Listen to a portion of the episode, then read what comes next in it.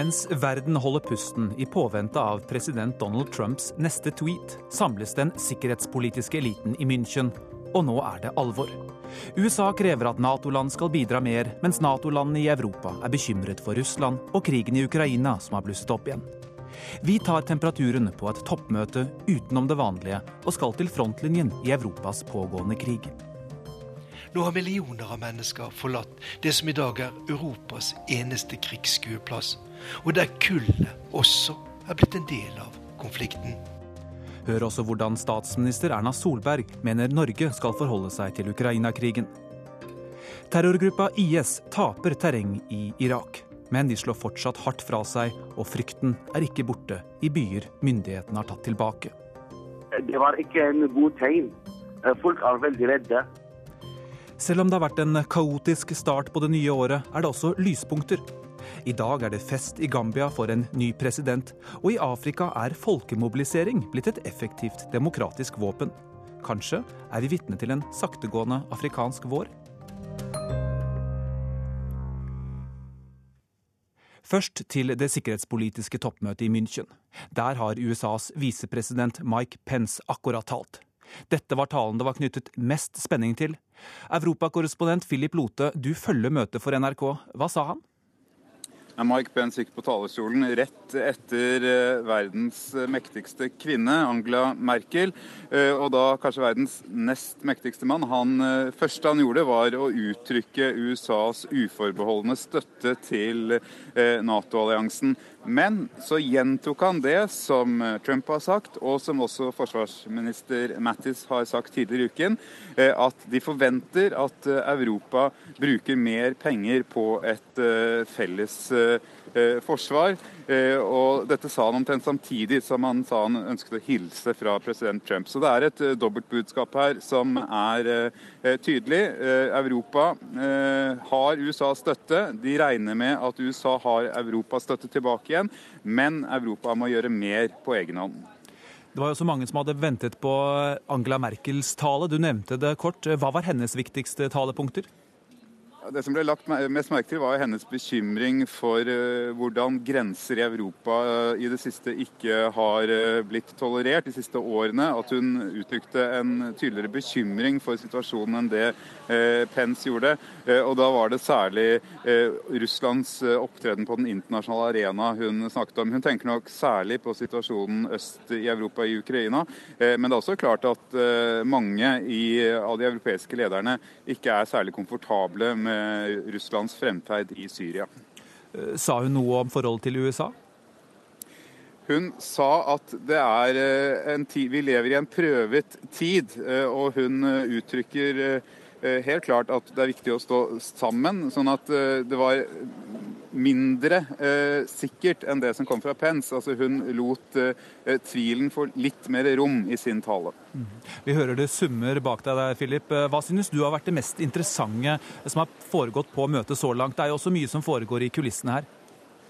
Ja, det de snakker om, er jo eh, dette, denne dobbeltkommunikasjonen, eh, hvor eh, USA sier at de står bak alliansen, men samtidig eh, sier at Europa må gjøre mer. Også hvordan dette blir tolket etterpå. hvor Når vi snakker med norske politikere og andre politikere fra Europa, så sier de hele tiden at USA står bak, står bak, men så innrømmer de under hånden eh, at det er et mye sterkere press nå enn tidligere eh, på at man må bruke og trappe opp sin pengebruk. sånn at Det er denne dobbeltkommunikasjonen som jeg syns henger mest igjen fra både Nato-møtet denne uken og dette sikkerhetsmøtet i München.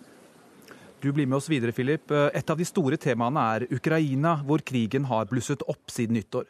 Vi skal nå til frontlinjen, hvor kull har blitt et heftig stridstema. Korrespondent Morten Jentoft forteller.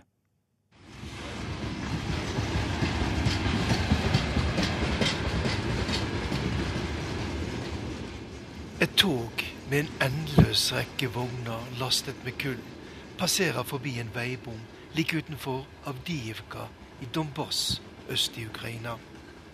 Dette området er blant de rikeste fra naturens side i Europa, og derfor også blant de tettest befolkede i vår verdensdel.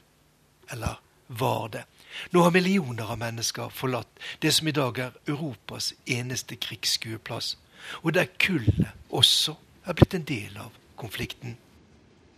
Ну, во-первых, пока у нас э, мы не стоим блокадой на железных путях, мы разбираемся в ситуации. I utkanten av Novogorodskoje, litt lengre øst i Donbas, treffer jeg Taras Tjorny, aktivist i den ukrainske nasjonalistiske organisasjonen Pravi-sektor, høyresektoren.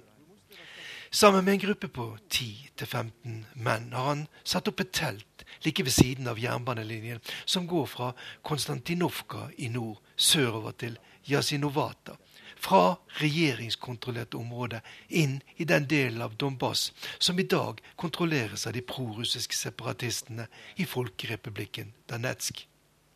Vi er her for å overvåke situasjonen, sier Taras diplomatisk, men aksjonen deres har allerede gjort at Ingen godstog har passert her de siste ukene.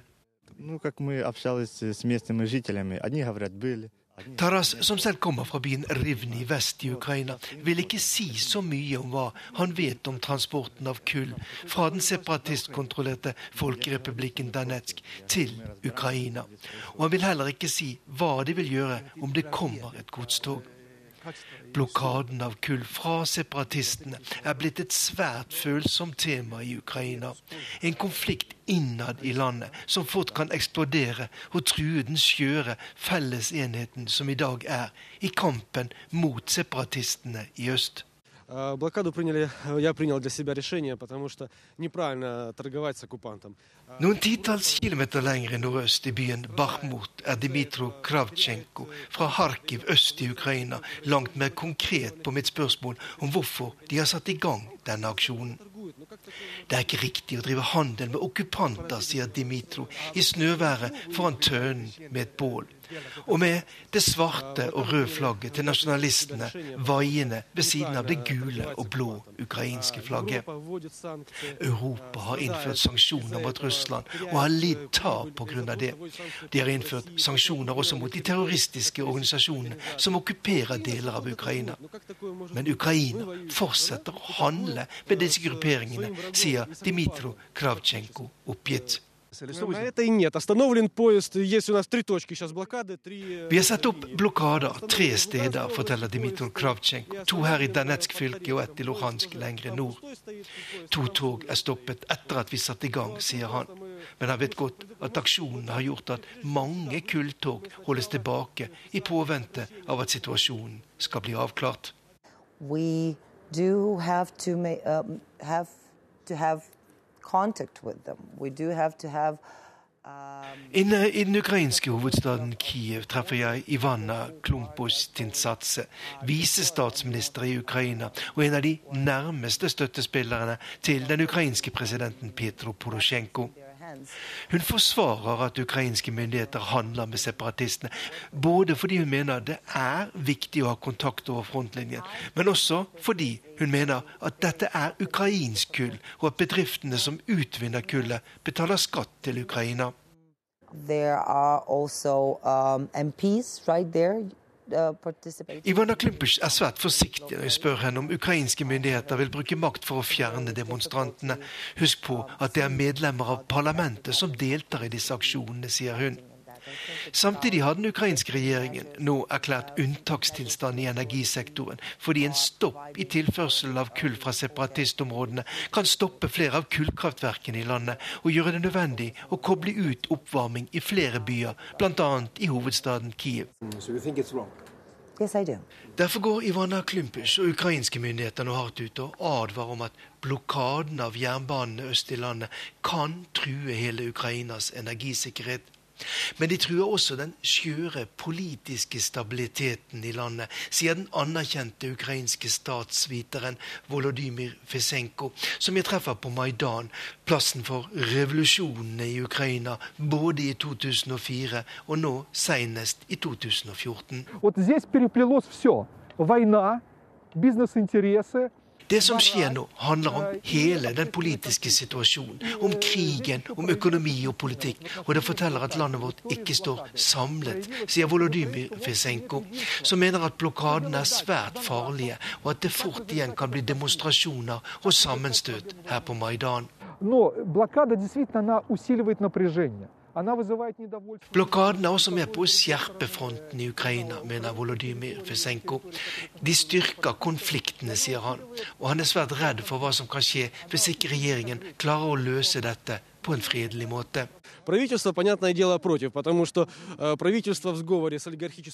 Regjeringen er selvfølgelig imot aksjonene våre, sier Dmitro Kravtsjenko ved bålet ved jernbanelinjen i Bakhmut i Donbass.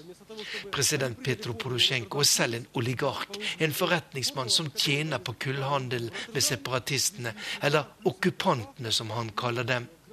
Tungt bevæpnet ukrainsk politi er til stede ved blokadepunktene i Donbas, men holder seg på avstand foreløpig. Og bare noen kilometer unna høres lyden av skyting.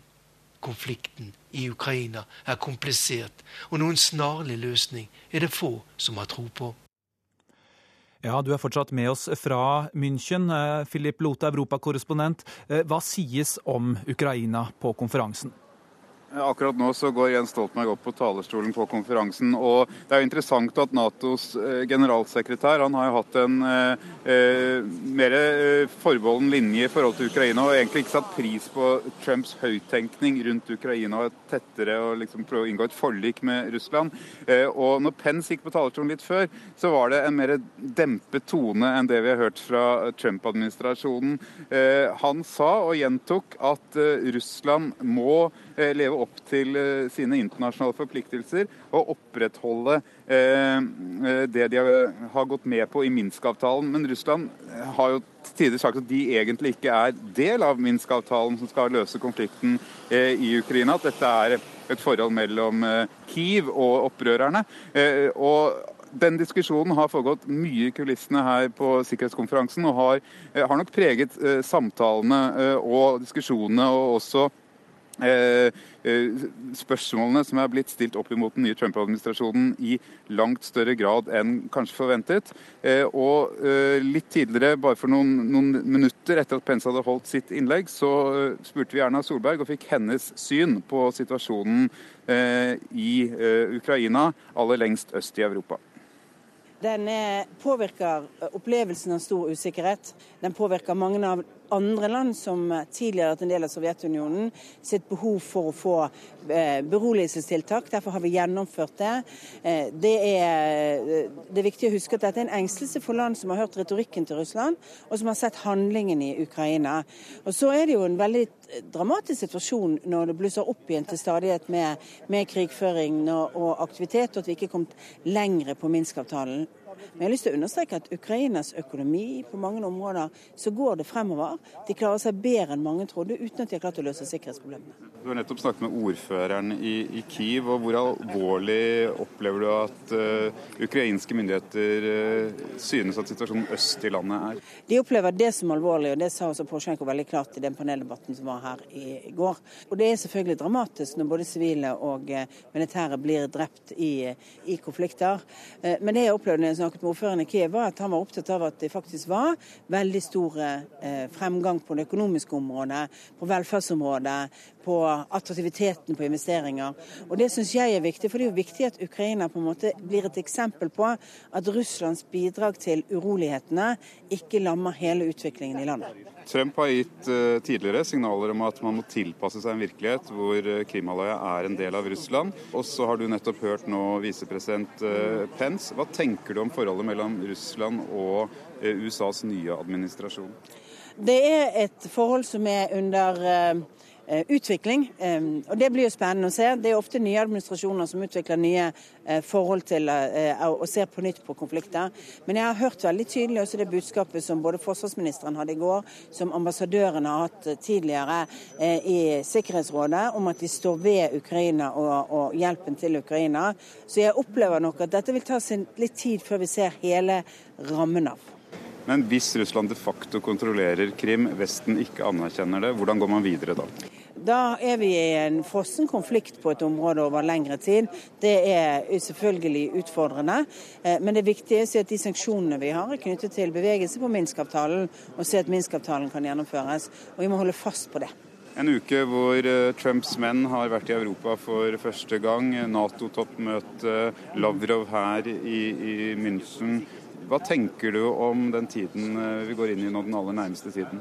Det er alltid spennende når vi har en ny amerikansk administrasjon. Det har kanskje vært litt ekstra spennende denne gangen, eh, fordi at det var mindre klart hvordan utenrikspolitikken ble.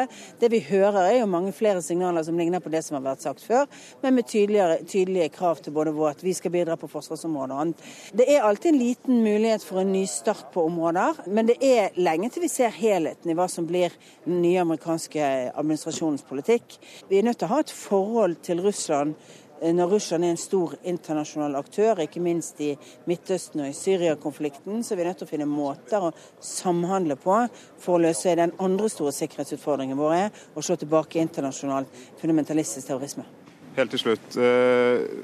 Regjeringen har lagt en langtidsplan for Forsvaret, nye investeringer. På bakgrunn av de signalene som kommer her fra den amerikanske administrasjonen, hvilket handlingsrom eh, har den norske regjeringen til å trappe opp, øke investeringer og møte de forventningene som blir uttalt her? Nå har vi hatt et veldig godt og grunnleggende arbeid på hvordan vi skal utvikle Forsvaret fremover. Det har resultert i en opptrapping av Forsvaret og forsvarsevnen vår fremover. Vi skal bidra med nesten to milliarder kroner i opptrapping hvert eneste år i neste fireårsperiode. Det er en formidabel økning av, uh, til det norske forsvaret. Og ja, Det kommer til å ligge fast. Uh, så vil det alltid være sånn at man kan se på enkeltdeler av det, men hovedbildet er at vi trapper opp, vi beveger oss i riktig retning. Vi har også Europas høyeste utgifter til forsvar per capita, uh, og det legger oss amerikanerne merke til. Og ikke minst at vi investerer så mye. For et av de viktige Nato-målene er jo at vi skal ha mer enn 20% i investeringer, og vi går over 25 snart. Så du mener at du har rom til å imøte imøtekomme det amerikanerne ønsker? Ja, Vi skal følge den forsvarsplanen vi har lagt frem, og som norske politikere har vedtatt i Stortinget. Og det er en kraftfull opptrapping av vår forsvarsevne. Ja, Forholdet til USA har til de grader dominert agendaen her i Europa den siste uka, og statsminister Erna Solberg er langt fra den eneste statslederen som har forsøkt å tolke signalene som kommer fra Washington. Men vi har spurt oss hvordan ser dette egentlig ut fra USA? Mens verdensledere diskuterer internasjonal politikk og krisehåndtering i Brussel, Bonn og München denne uka, har amerikanske medier og amerikanske politikere nok med å analysere, håndtere og reagere på krisene i og rundt Det hvite hus. Amerikanerne ser innover på en måte de trolig ikke har gjort siden 11.9.2001. Møtene i Europa blir knapt nevnt på de store TV-selskapenes nyhetssendinger.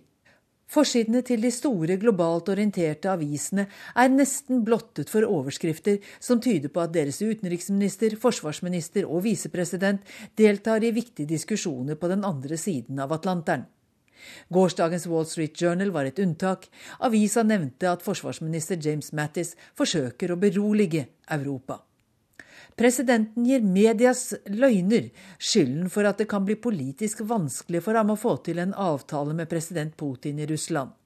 Samtidig sier forsvarsminister Mattis til allierte i Nato at et militært samarbeid med Russland er uaktuelt nå, og at Russland må respektere folkeretten og opptre som en moden nasjon. Utenriksminister Rex Tillerson ber på sin side Russland om å trekke seg tilbake fra Øst-Ukraina, mens Trump sa under valgkampen at han forstår at flertallet på Krim vil være en del av Russland. Denne uka ga USAs president dessuten opp tostatspolitikken som grunnlag for fredsforhandlinger mellom Israel og palestinerne. I Israel forsøker de å tolke hva det innebærer.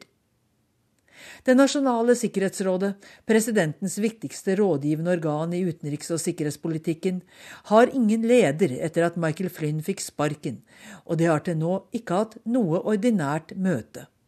Ingen viseministre eller statssekretærer er utnevnt i Utenriksdepartementet, og i forrige måned gikk fire av embetsmennene på toppen i departementet av fordi de ikke ville jobbe for Trump-administrasjonen. Her må det mer til enn 140 tegn fra presidenten. Groholm, Washington.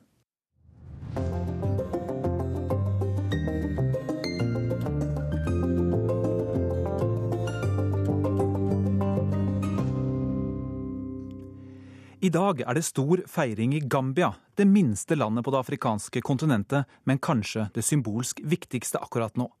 For i dag er det innsettelsesseremoni for landets nye president, Adama Barrow.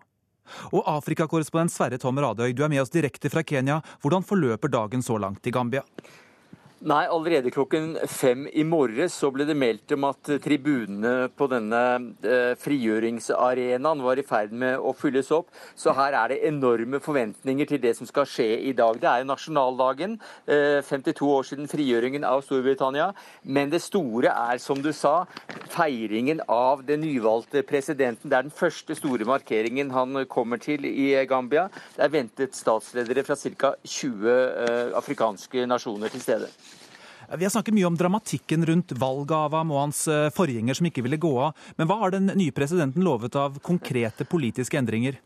Jeg så talen han holdt på gambisk TV i går kveld. Eh, han er, han er, ingen folkeforfører, i hvert fall. Han er lite karismatisk og tydeligvis uvant med oppmerksomhet. Men de tre første punktene var eh, fri primærhelsetjeneste, utbygging av den, fri og obligatorisk skole, og ikke minst da, for eh, vi som har fulgt godt med, viktig demokratibygging fri presse. Mannen har jo allerede gjort en del. Han har snudd eh, utmeldelsen av Den internasjonale straffedomstolen. Han har gjeninnmeldt landet i det britiske samveldet. Og det siste nå er at landet ikke lenger heter Den islamske republikken Gambia, men bare Gambia. Ja, og Et tegn på de nye taktene er jo at eh, Barrow allerede har hatt besøk av Storbritannias utenriksminister Boris Johnson, og vi kan jo høre litt på hva han sa da. I'm delighted to say that the Gambia is now on the path back into the Commonwealth, uh, and we'll try and do that as fast as possible. But the, the other thing, of course, is that uh, there is so much we can do to help on education, on infrastructure, on security, uh, on, uh, on helping with the tourist industry. And we discussed all those things. Ja, Den kontroversielle britiske utenriksministeren holdt seg på matta denne gangen og sa at Gambia, som du også sa, Sverre Tom, var på vei tilbake i samveldet, og at det var mye Storbritannia kunne hjelpe til med alt fra infrastruktur til turistindustri. Og eh, hvilken rolle vil det internasjonale samfunn ha i Gambia eh, videre, Sverre Tom? Antakelig mye mer plass enn i dag. EU eh, lå på topp i talen til, til statslederen i går kveld etter at eh, det gambiske folk var eh, takket. Eh, han takket og takket for den støtten som EU har kommet med. Nylig var de jo i landet med en koffert med, to milliarder kroner. Gambia skal få investeringer tilbake til landet, og ikke minst turistene, som også norske charterturister kjenner godt. Her har jo norske turister i tiår fått nære bånd og sterke minner fra dette vakre landet. Du følger dette fra Kenya. Hvordan er oppmerksomheten om Gambia i resten av Afrika? Du, du, sa jo at dette landet er bitte lite. Det er et helt ubetydelig land sånn sett. Eh, litt større enn en tredjedel av eh, Hedmark fylke, langs en elvebredd inne i landet Senegal. Men demokratiprosessen den har stor symbolsk betydning. Eh, Vest-Afrika var en diktatorklubb. Eh, I januar så måtte altså den siste presidenten som kom til makten ved et eh, kupp i Vest-Afrika, Trea Han ble riktignok godtatt at han tok med seg Rolls-Roycer, og, han fikk også med seg 200 millioner kroner.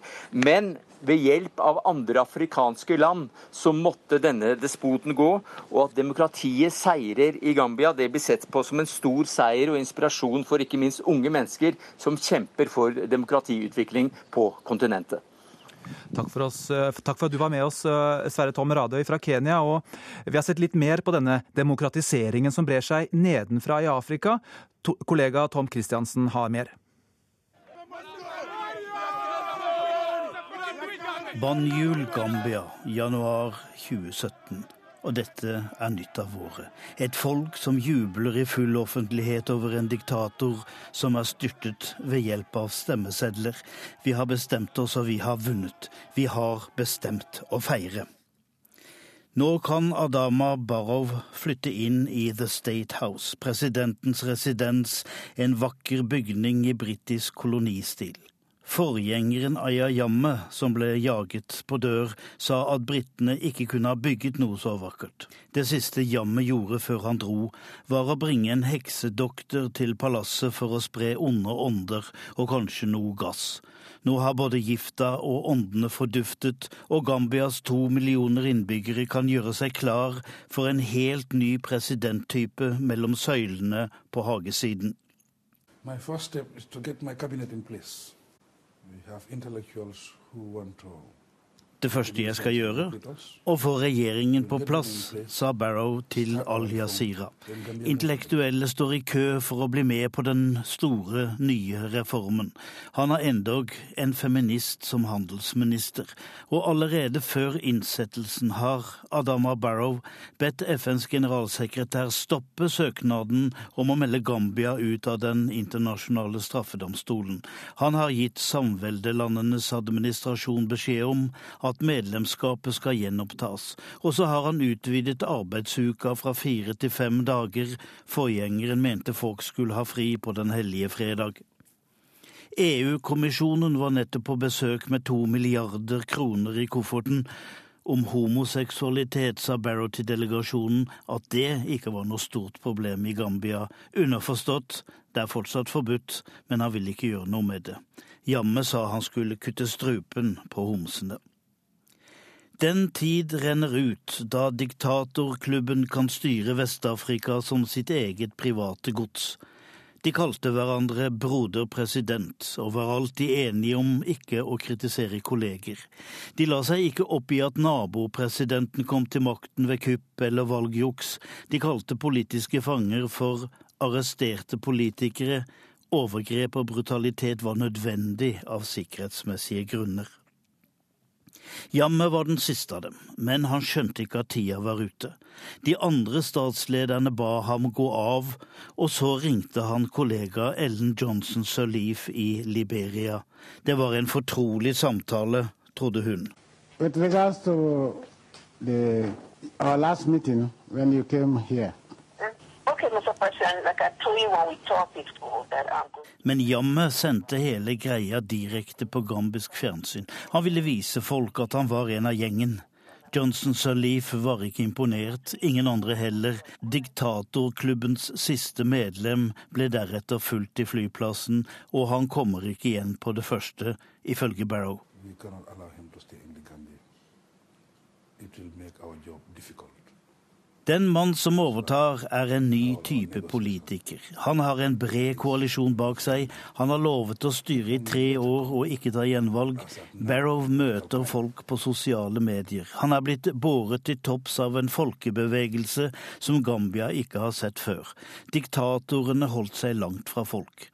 Men det er flere eksempler på at det er en ny tid. I nabolandet Senegal forsøkte presidenten seg på en tredje periode, men ble stanset av en folkelig protest. Og det tidligere så urolige Vest-Afrika har hatt fredelige presidentskifter i Burkina Faso, Nigeria og Ghana. En demokratisering nedenfra brer seg i Afrika, og i Gambia fikk de støtte fra den vestafrikanske fredsstyrken ECOWAS, som satte makt bak presidentskiftet. De hadde innsett at diktatorer på kollisjonskurs med folket verken skaper fred eller folkestyre.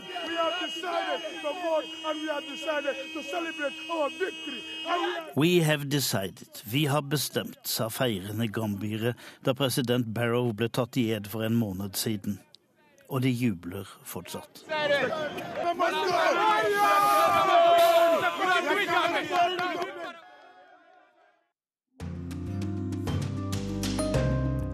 Klokka har akkurat passert halv tolv. Du lyttet til Urix på lørdag, hvor vi har snakket om forholdet mellom Europa og USA, og nettopp nå om betydningen av det fredelige maktskiftet i Gambia. Bli med videre, bl.a. for å møte en tyrkisk dramaturg som gir opp arbeidet i Erdogans Tyrkia. In all over Turkey. It means that academia is uh, dying. Men først til Irak, hvor vi fortsetter denne utenrikstimen her på NRK P2. Vi skal til landets nest største by, Mosul, hvor terrorgruppa Den islamske staten fortsatt sprer frykt, selv om de nå bare holder til i den vestlige delen av byen. Myndighetsstyrkene tok den østlige delen for en måned siden, men FN sa denne uka at de ikke lenger kan drive hjelpearbeid der pga. sikkerhetssituasjonen, og vanlige folk er fortsatt redde for IS. Ødelagte stoler, bøyde metallbord, døde fisker og menneskeblod på gulvet.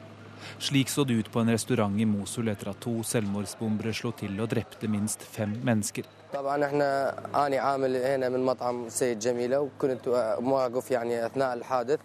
Jeg jobber på restauranten og var i nærheten da først én eksplosjon skjedde, og så kom en selvmordsbomber til da alle arbeiderne stormet ut for å se hva som hendte, forklarer Abed til nyhetsbyrået AP. Dette skjedde i forrige uke i Øst-Mosul, den delen som er frigjort fra IS. Ingen har tatt på seg ansvaret for aksjonen, men folk i byen sier dette hendte fordi IS hadde forbudt å åpne en restaurant der, og slike aksjoner gjør at frykten for terrorgruppa fortsatt er stor, forteller norske Mohammed al-Mofti på telefon fra Irak. Egentlig, det var ikke en god tegn. Eh, folk er veldig redde.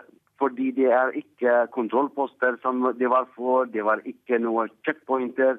Det var kun uh, fire politier som jeg så dem på veien helt fra den ytterste kanten av byen til El Nord-bydel, i ca. 3,5 km.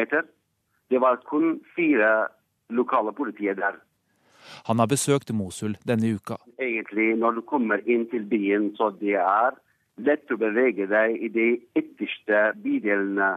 Men når du kommer litt en stykke mot eh, elvebredden, da blir det litt vanskelig. For mange av de veiene blir ødelagt pga. den intensive bombing i den siste perioden eh, under frigjøring. Al-Mofti er opprinnelig fra byen og dro tilbake på eget initiativ. Han har hatt noen oppdrag for irakiske parlamentarikere og jobber som tolk i Norge. Han sier at folk i byen er redde for sovende IS-celler, altså at terrorgruppa har latt mindre grupper bli værende igjen bak fiendens linjer, slike som de antar sto bak angrepet på restauranten. Frykten har økt etter at lederen av IS sharia-domstol i Vest-Mosul kom med en fatwa som sa at alle i Øst-Mosul nå var å regne som vantro. Al-Mofti sier også at to skoler har blitt angrepet av IS-kontrollerte droner. Det kan lede til at skolene i byen blir stengt. Mosul er en viktig test for irakiske myndigheter. Ikke bare skal de militært ta byen tilbake fra IS, de må også vise at de klarer å styre den i etterkant. Den irakiske regjeringen har til nå bare kontroll over den østlige delen av byen. IS holder den andre delen av millionbyen, som deles i to av elva Tigris.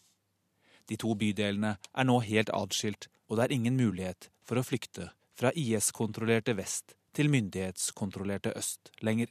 Det finnes mange uh, soldater som blir utstasjonert i nærheten av elvebredden, og de blir kalt til henrettelseslag sier at noen skal prøve å flytte til andre siden, blir drept. Bibelskudd blir drept. Og nå venter en ny offensiv i vest, hvor IS sies å ha full kontroll. Det kan gå hardt utover sivilbefolkningen. Rakettene er blinde, de skiller ikke mellom oss og soldatene, sier folk der, og frykter hva de har i vente. Fordi Foregår det var bombing, intensiv bombing mot flyplassen. I dag det var bombing mot El-Shifa bydel. Og folk sier det er ikke noen soldater i dette området, så hvorfor vil blir bombe? Så de sier at vi pleide å si krigen og rakettene er blinde. De klarer ikke å skjønne forskjellen mellom soldater og sivile mennesker.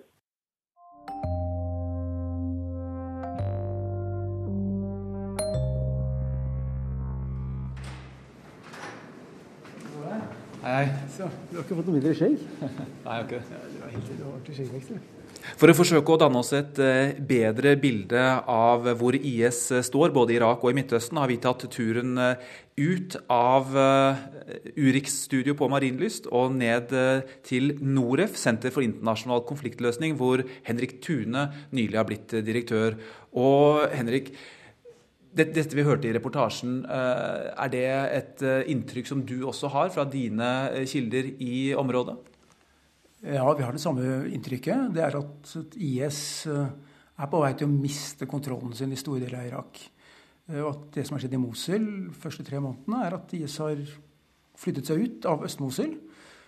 Så finnes det en elv, og på den andre siden av elven så har man Vest-Mosul. Og der er det 2500 til 3000 medlemmer av IS. De aller fleste er irakere. Eh, de er ikke villige til å slåss så hardt som fremmedkrigere. Så de som slåss og skal føre den krigen, de tror at man kommer til å vinne over, over eh, Vest-Mosul. Men det de er veldig usikre på, og som er det store store spørsmålet, det er eh, hva man gjør etterpå. Til nå så har IS blitt nedkjempet i by etter by i Irak. Men hver eneste gang så har de stukket av gårde, forsvinner ut i ørkenen, blir stående ute i ørkenen. Og hvis man ikke greier å lage orden, ikke greier å lage sikkerhet for befolkningen inne i byene, så kommer de til å komme tilbake. Og det er Noe av det vi så tendensene, hørte tendensene til i denne reportasjen, at det var stor frykt i Øst-Mosul, og at det også har blitt eh, verre eh, de siste ukene. Så ille at FN har valgt for eksempel, å holde seg unna Øst-Mosul nå, eh, fordi de er urolige for sikkerhetssituasjonen. Ja, Det er akkurat dette her som er det store problemet. At man kan slå ned IS militært, og det er man i ferd med å gjøre i hele området. Men hvis man ikke greier å lage stabilitet i områdene, sånn at sivilbefolkningen, som ikke bare er sunni, men stort sett sunni, føler at de er trygge, så kommer de til å begynne å trenge andre som skal hjelpe dem med sikkerheten, og da begynner radikalismen å vokse opp igjen.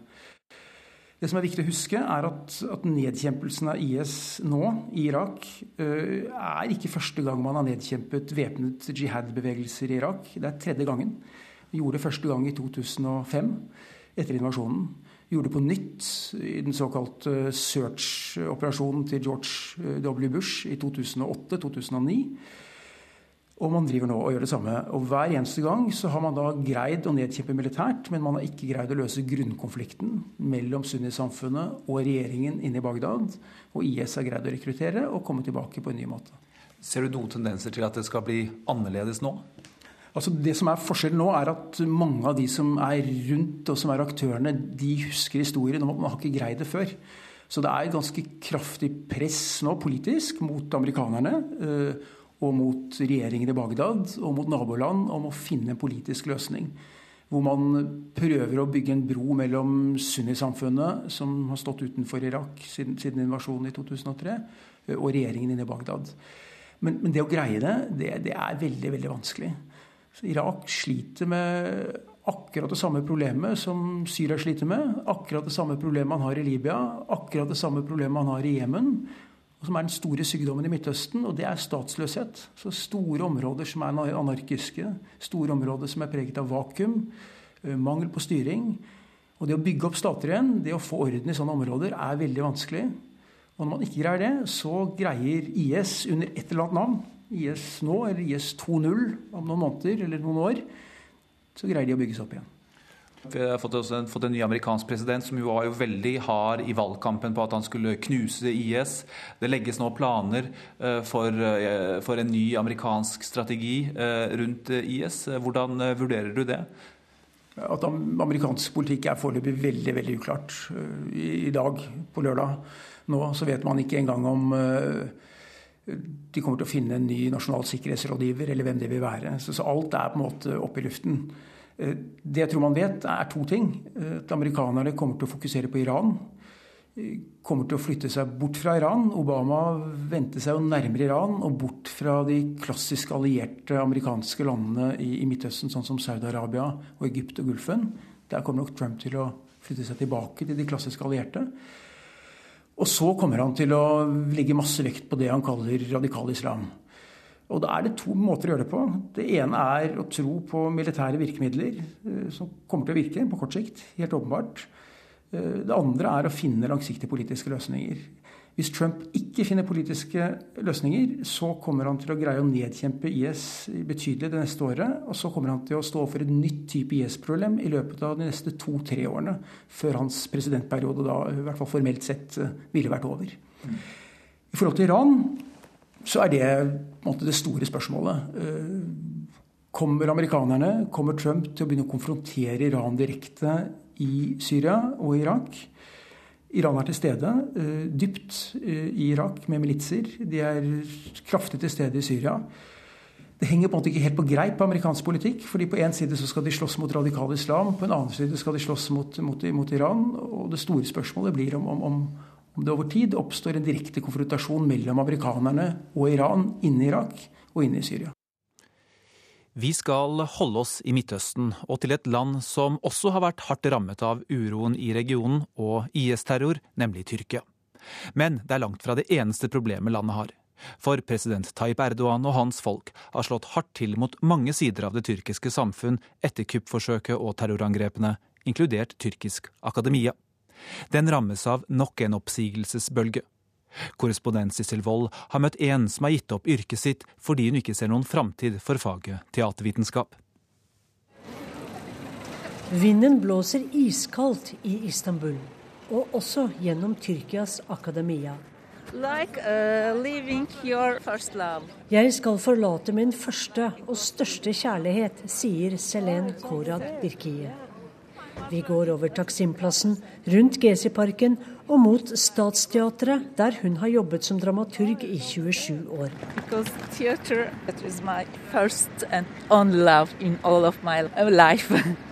Nå skal Birkia avslutte teaterlivet sitt. Det hele begynte å rakne da hun mistet sin andre jobb.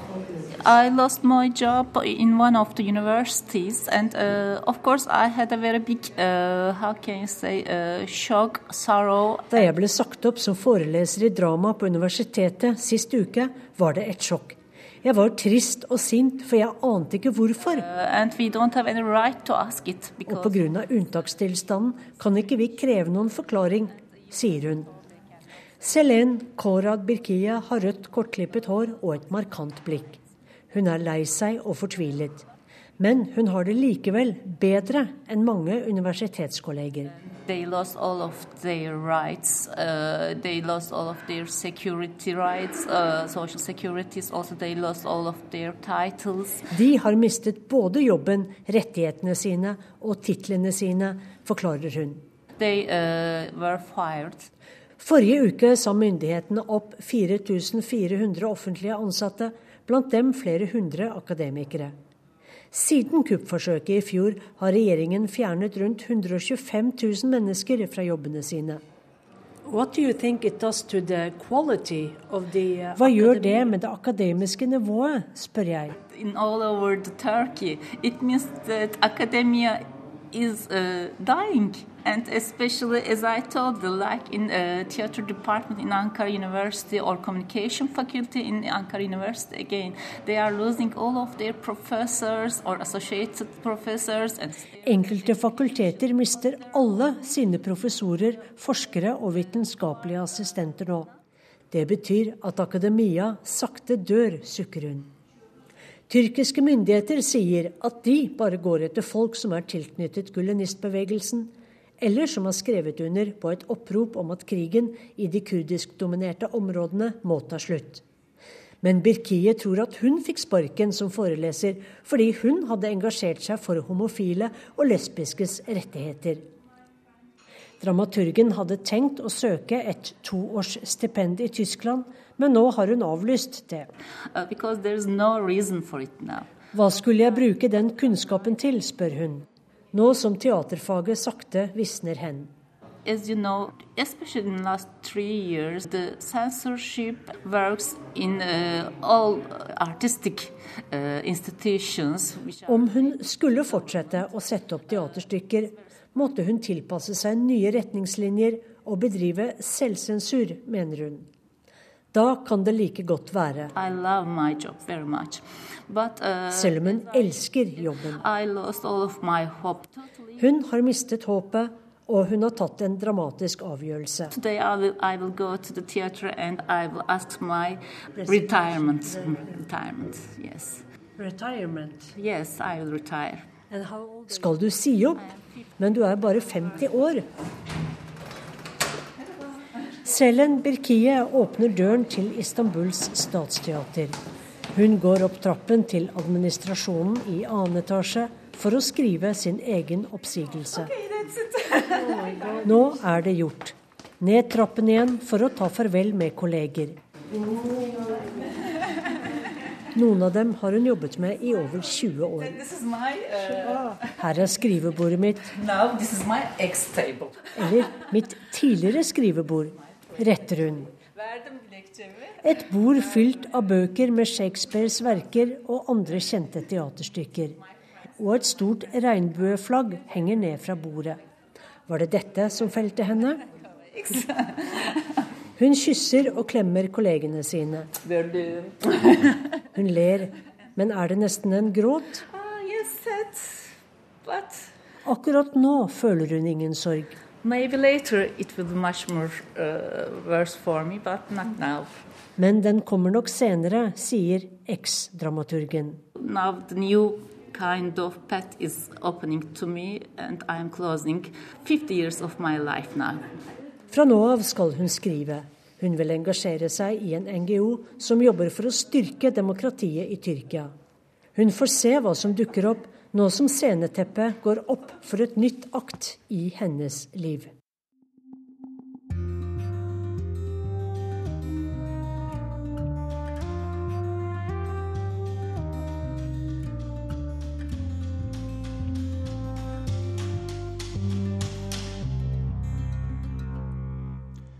Ukas eh, korrespondentbrev kommer fra Washington, der Tove Bjørgaas funderer på om amerikanernes nye president går baklengs inn i framtida på mer enn én måte.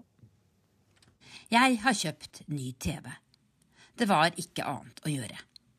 Egentlig hadde jeg sluttet å se fjernsyn her borte, for amerikanske TV-kanaler er utmattende. Reklamepausene kommer tett som hagl, nyhetsankerne er anmassende, det meste er breaking news. Så de siste årene har jeg lest nyheter på nettbrett og telefon i stedet, og sett de klippene jeg trengte å se, på nettsidene til NBC, Fox og CNN. Men nå som vi skriver uke fire i USAs nye tidsregning, i dette herrens år 2017, har jeg måttet kapitulere. Derfor tyter en 48 tommer stor flatskjerm nå ut av det plastbygde TV-skapet på kjøkkenet mitt, som ble bygget i gamle dager for et klumpete apparat på 28 tommer. Og hvem tror du jeg kan takke for dette tilbaketoget? USAs 45. president, selvfølgelig. Donald Trump har gjort TV-titting greit igjen. Faktisk har han gjort det til et must for oss journalister, i alle fall. Om en ser bort fra hans nymotens Twitter-vaner, kan det virke som han forsøker å føre USA tilbake til 1980-tallet på mer enn én måte. Den gang var Reagan president, og alle så nyhetene på TV. Han har jo lovet dem som mistet jobbene sine omtrent på den tida, å gjenreise stålproduksjon og kullkraft, så nostalgien til Trump er nokså komplett. Men svært sentralt i den nostalgien står altså fjernsynet. Donald Trump er i sitt rette element på TV. Hadde det ikke vært for skjermen, hadde han trolig bare vært en helt vanlig eiendomsmogul. Men takket være TV ble han reality-stjerne og kunne bygge tilhengerskaren også for sitt politiske budskap opp over tid. Jeg er visst blitt politiker nå, sa president Trump på sin egen pressekonferanse i Det hvite hus på torsdag. Han skulle egentlig bare lansere sin nye arbeidsministerkandidat etter at den første ble avvist pga. for mye tvilsom bagasje. Men TV-stjernen, som nå er blitt president, ble stående foran mikrofonen i 77 minutter. Der angrep han pressen så hardt han kunne, og koste seg akkurat så mye med det som han pleier. Jeg tenkte at vi må finne en kran for å få ham vekk fra det podiet, for han kommer aldri til å forlate det frivillig, sa CNN-kommentator Anna Navarro i sin oppsummering. For Trump ville ikke at showet i The East Room i Det hvite hus skulle ta slutt. Han var tilbake i valgkampmodus og snakket rett til tilhengerne sine. Om de satt foran TV-skjermene, vet jeg ikke, men de fleste av de 77 minuttene var nokså underholdende. La oss spole halvannet døgn tilbake til onsdag. Klokka er fem på halv sju om morgenen, og jeg har benket meg i lenestolen på kjøkkenet med kaffekoppen, to fjernkontroller, telefonen og laptopen for mitt nye morgenrituale. For 25 minutter siden begynte frokost-TV-programmene. Og det jeg ser mest på, som varer i tre timer fra seks til ni hver morgen, står nå på fast opptak. Jeg spoler tilbake og får med meg begynnelsen av Morning Joe på MSNBC. Joe og Mika og de faste og spesielt inviterte gjestene deres sitter klare med de mest oppsiktsvekkende klippene fra det siste døgnet i Det hvite hus og tilstøtende områder. De ser forbløffende våkne ut, tar en slurk av kaffen og durer i vei med sin heseblesende analyse. Joe og Mika har holdt på med dette politiske frokost-TV-programmet siden 2007. Joe Scarborough er en svært taletrengt republikaner og tidligere kongressmann fra Florida. Mika Brzezinski er datter til Jimmy Carters nasjonale sikkerhetsrådgiver Zibnev. en kjent størrelse fra den kalde krigen. Joe avbryter Mika uavbrutt, og det er nokså irriterende. Men som kvinne i dette landet og samboer med en jurist fra Manhattan er jeg i grunnen vant til å bli behandlet på den måten selv. Alle de store TV-nettverkene her har sitt eget frokost-TV-program. Fox and Friends på Fox News, New Day på CNN. Jeg zapper innom dem også hvert andre-tredje minutt, siden jeg har Joe og Mika på opptak. Men Morning Joe har ett fortrinn de andre ikke later til å ha i samme grad. De har en celeber fast seer. Tidligere ringte han ofte inn for å få være med i programmet. Det passer seg liksom ikke helt lenger nå. Men klokka 07.09 skjer det. Vi har fått en tweet, annonserer Mika. For bare noen øyeblikk siden. Det er president Trump som har meldt seg for å si sin ærlige mening om debatten om sin avgåtte sikkerhetsrådgiver Michael Flynn. Slik lyder tweeten fra Det hvite hus. De falske nyhetsmediene har gått av skaftet med konspirasjonsteorier og blindt hat. MSNBC og CNN går det ikke an å se på. Fox and Friends er supert. Hilsen real Donald Trump. Medieeksperter her mener USA kanskje aldri har hatt en president som ser så mye på TV. USAs president har sagt han ikke trenger daglige etterretningsbrifer fra CIA. En gang før presidentvalget, da han ble spurt om hvordan han setter seg inn i det som skjer i USA og i verden, svarte han I watch the shows. Jeg ser TV-programmene. Joe og Mika er blitt beskyldt for mye de siste månedene. Inkludert for å være romantisk involvert med hverandre etter at de begge ble skilt for ikke så lenge siden. En stund ble de også beskyldt for å behandle presidentkandidat Donald Trump for ukritisk. Broren til Joe Scarborough støttet Trump i valgkampen, og republikaneren kjenner mange som støtter ham. Men nå er kjærlighetsforholdet over. Denne uka annonserte Mika at hun nekter å ha Trump-rådgiver Kellyanne Conway som gjest, fordi hun aldri svarer på det hun blir spurt om.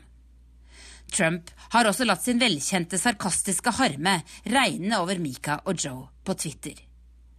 En dag når det hele begynner å roe seg ned, skal jeg fortelle sannheten om NBC Joe og den svært lite selvsikre kjæresten hans, Mika.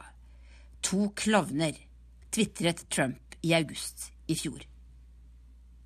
Som mange andre programmer som er kritiske til Trump, prøver Mika, Joe og alle kommentatorene deres å dissekere TV-øyeblikkene som kommer ut av Det hvite hus. Det fører til nærmest legendariske TV-segmenter, som mandag denne uka, da Trump-rådgiver Steven Miller fikk gjennomgå. Miller var selve arkitekten bak innreiseforbudet, og Trump-administrasjonen sendte ham rundt til alle de politiske debattprogrammene på søndag, som også er must see TV for oss journalister. På Morning Joe kunne en se en sammenklippet versjon av det Miller sa om hvordan Det hvite hus skal vise domstolene, det amerikanske folket og resten av planeten Jorden hvem som har makt til å kontrollere USAs grenser. Steven Miller fortjener tilnavnet Den lille diktatoren, mente Mika og Joe, og de fleste i panelet deres. Uke fire i Trumps regjeringstid er snart ved veis ende. Og jeg er tørr i øynene av TV-titting. Men samtidig merker jeg at det er sterkt vanedannende. Det er faktisk lettere å stå opp om morgenen når en kan benke seg med kaffekoppen sammen med morgenfriske programledere med kjapp replikk. Og dessuten kan man jo utmerket bytte ut Rihanna med Mika og Joe på tredemølla. Hva så med seertallene? Morning Joes har gått opp siden valget, men når det er sagt Jeg er litt usikker på om vanlige folk ser på, eller om det mest er oss journalister og andre politisk miljøskadde her i hovedstaden. Folks tillit til mediene er nede på 30-tallet, ifølge en undersøkelse The Washington Post presenterte i går. Faktisk er amerikanernes tillit til oss journalister nokså lik tilliten deres til president Donald Trump. Robbie, som jeg traff i en forstad til Detroit denne uka, benker seg i hvert fall ikke foran TV-en litt før halv sju om morgenen. Det går til helvete med oss uansett. Kanskje går det litt mer til helvete med oss nå enn det hadde gjort om Hillary hadde vunnet. Men jeg tror vi er dømt til å mislykkes så lenge vi fortsetter på denne måten, sa 28-åringen, som nok bør få det siste ordet i akkurat dette korrespondentbrevet.